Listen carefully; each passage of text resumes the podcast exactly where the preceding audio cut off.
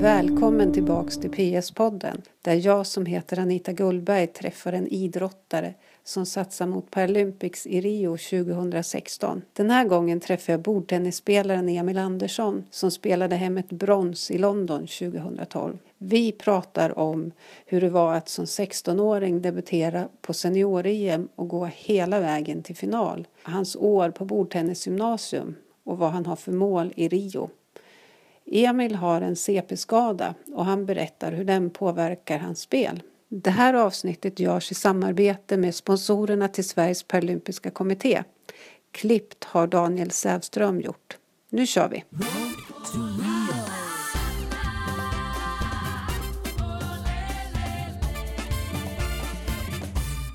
Hej Emil! Hej! Eh, och välkommen hit! Ja, tack så mycket. Vi sitter här på en upptaktsträff inför Paralympics i Rio. Ja, det stämmer. Ja. Och då tänkte jag passa på att ta upp en sak som du sa inför London 2012. Då sa du så här, det är inte London utan det är Rio som är huvudmålet. Det är då jag ska vara som bäst. Hur känner du inför det idag? Jo, men det är väl samma känsla nu som det var inför London. Eh, London var ju i stort sett någonting som jag skulle se och lära på. Nu känner jag att man har fått lite mer rutin med åren och man är ju där uppe i toppen och presterar bra så att ja, men det, jag känner mig laddad.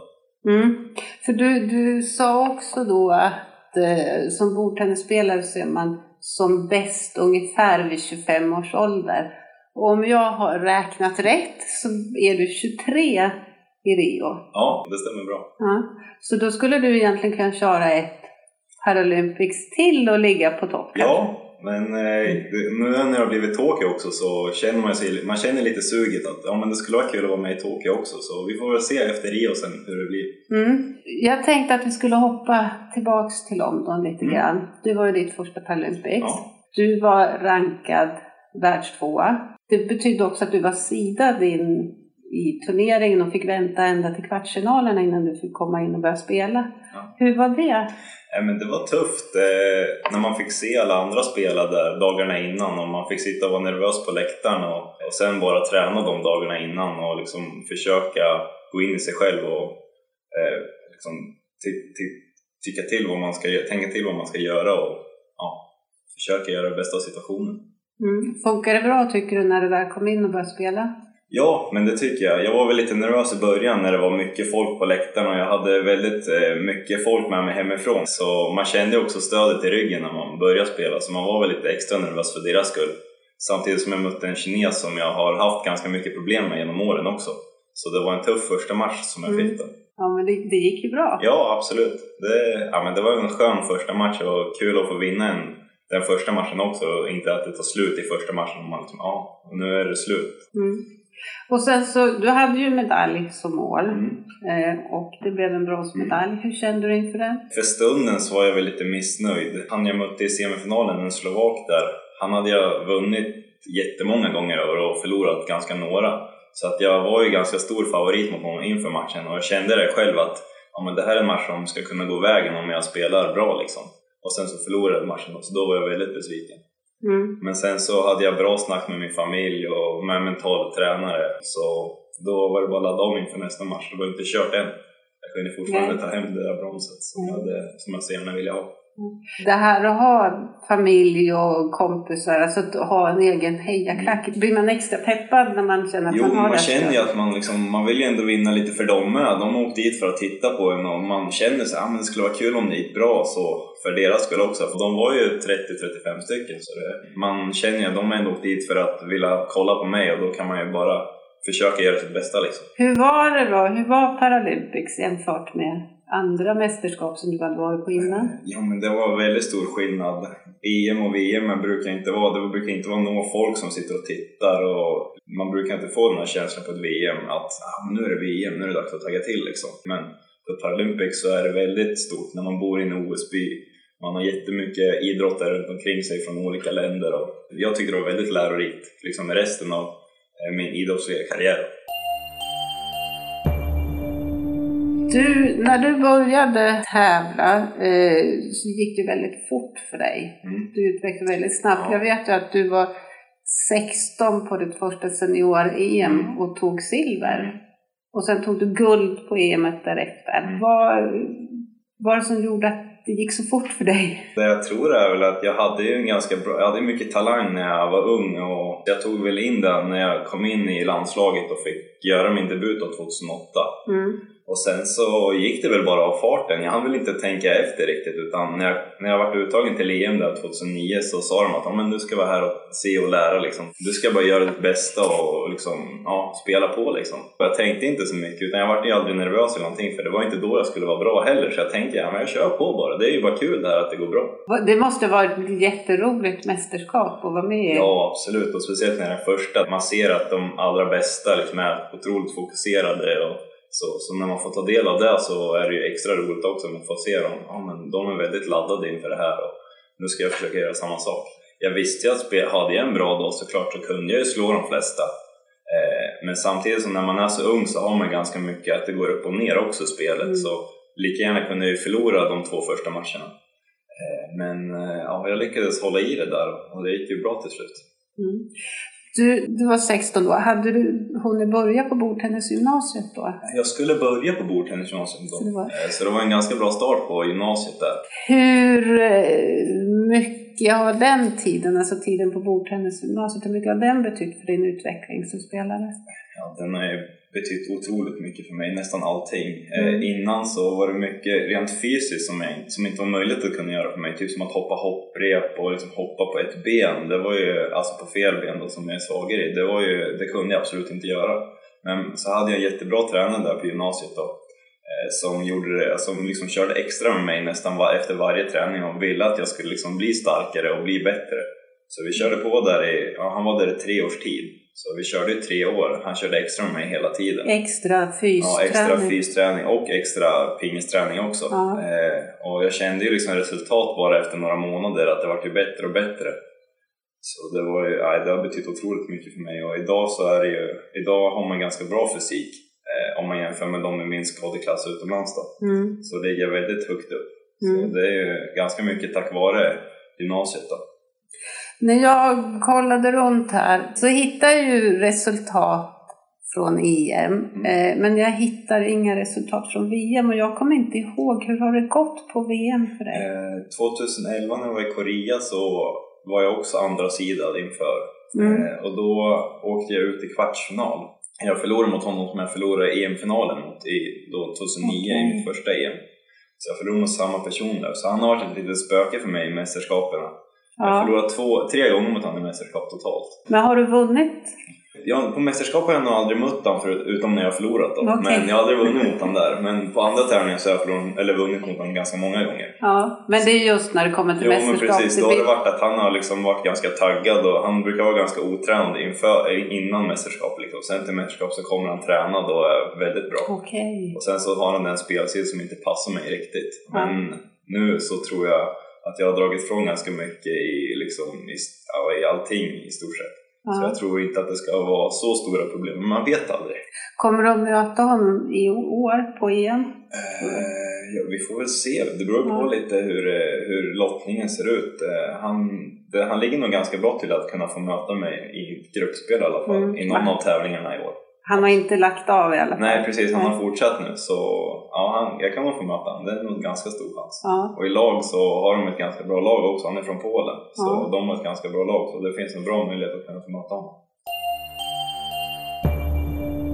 Det är som sagt var EM i oktober. Mm. Vad har du satt för mål där?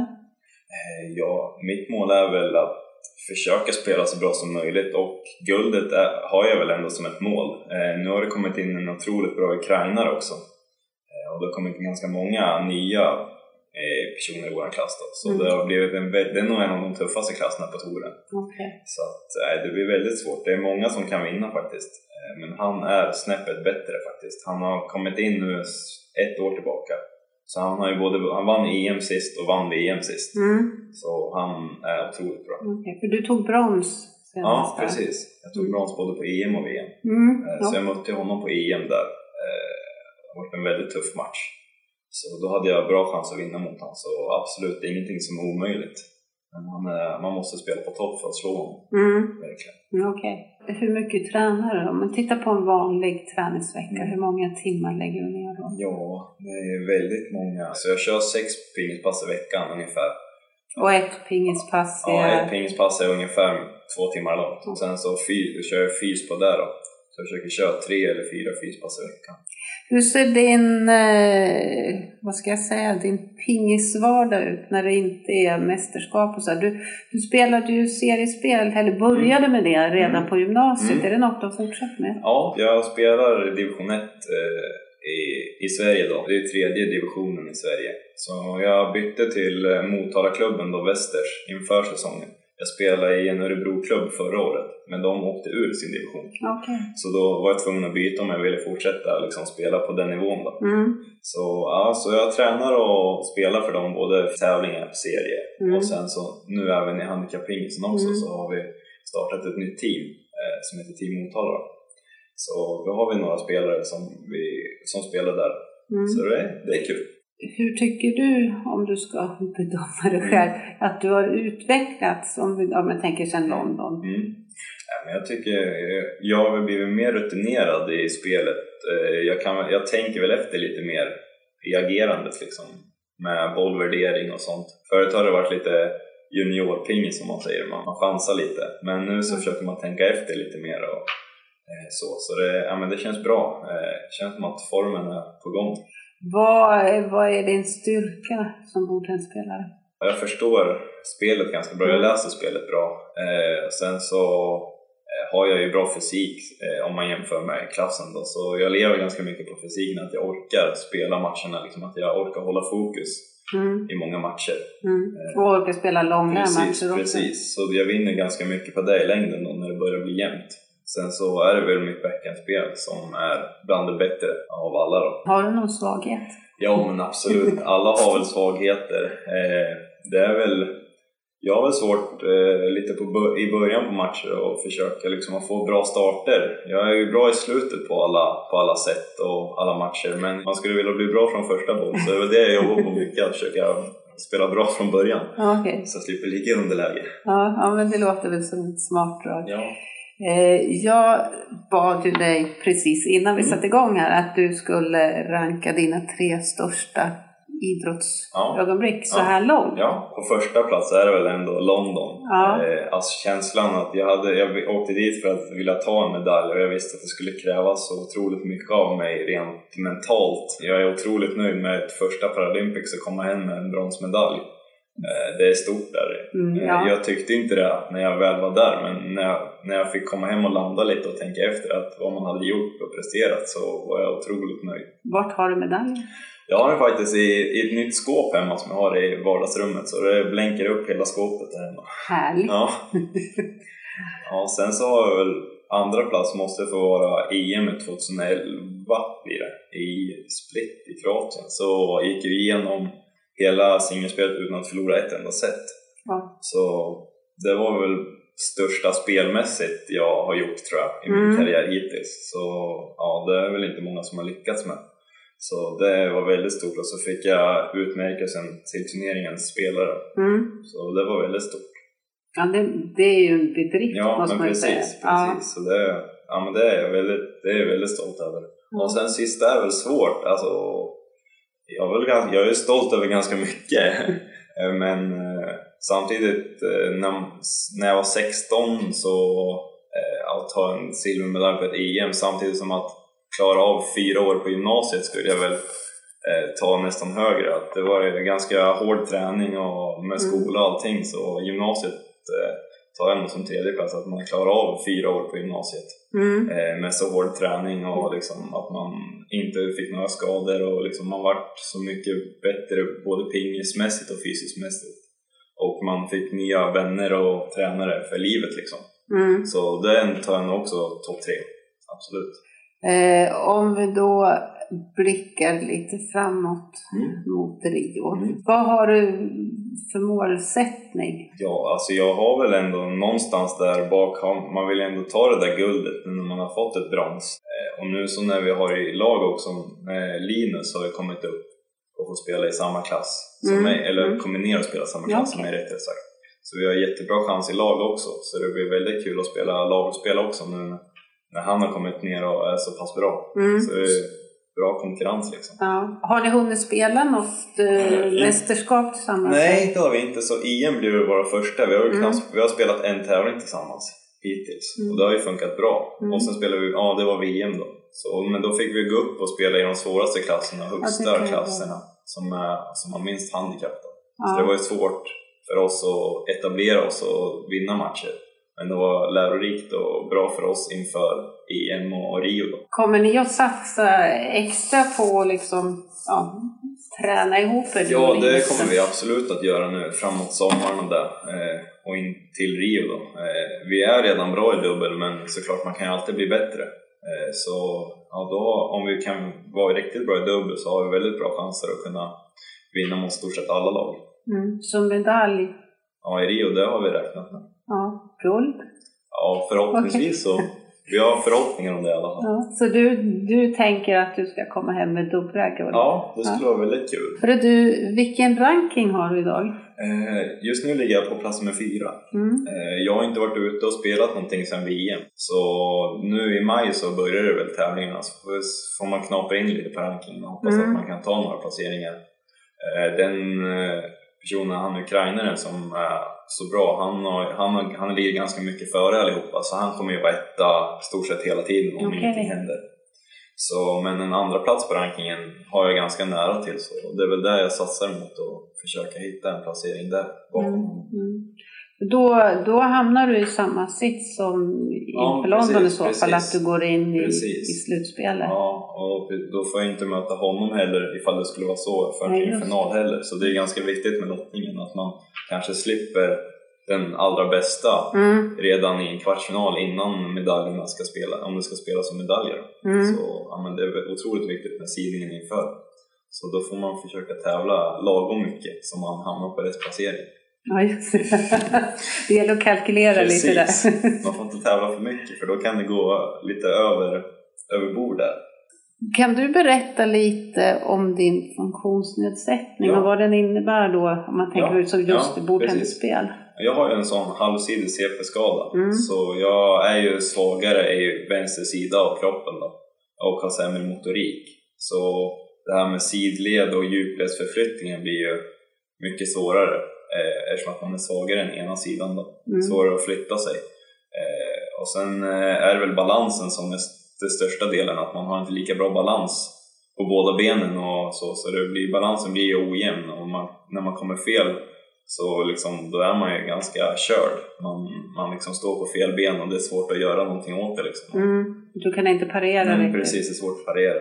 Eh, men jag har ju tränat upp det otroligt mycket sen eh, gymnasiet. Då. Mm. Så det har ju blivit otroligt mycket bättre. Så ja, det är jag jätteglad för. Mm. Eh, så nu så är det inte jättestor skillnad på liksom, styrkan. I alla fall i benen så är det inte jätte, jättemycket skillnad. Mm. Eh, så jag har tränat på ordentligt mycket med fysiken. Så det, men det, det är ändå bra liksom. Hur är det när du har, blir starkare Mm. och bättre fysiskt? Eh, kan det bli så att du får byta klass då? Man vet ju inte med de där reglerna, de är svårtolkade. De säger att om har du en skada så ska du vara i den klassen, men de har Mm. väl lite gått ifrån det där med grundreglerna, tror jag. Mm. Så ja, men det är svårtolkat. eh, Men man gynnas inte av att vara vältränad. Det gör absolut Nej, inte. nej. Då kan det bli att man poppar upp. Men skulle det vara en nackdel att bli uppklassad? För min del så, så skulle det väl inte vara sån nackdel. Jag skulle kunna se utmaningen ändå liksom. Men såklart så hoppas man inte på det. Men skulle det bli så så skulle jag nog bara kunna se nya möjligheter att liksom, kunna prestera bra. Mm. Det skulle bli en ny Ja, utmaning helt precis. Kanske Ja. skulle det bli en liten nytändning, man vet inte. Nej, okej. Så då kanske man ska hoppas på precis. det. Man vet aldrig. Ja men vad bra Emil, då Ja. känner jag mig väldigt Ja. nöjd. Tack så ska du mycket. Tack själv.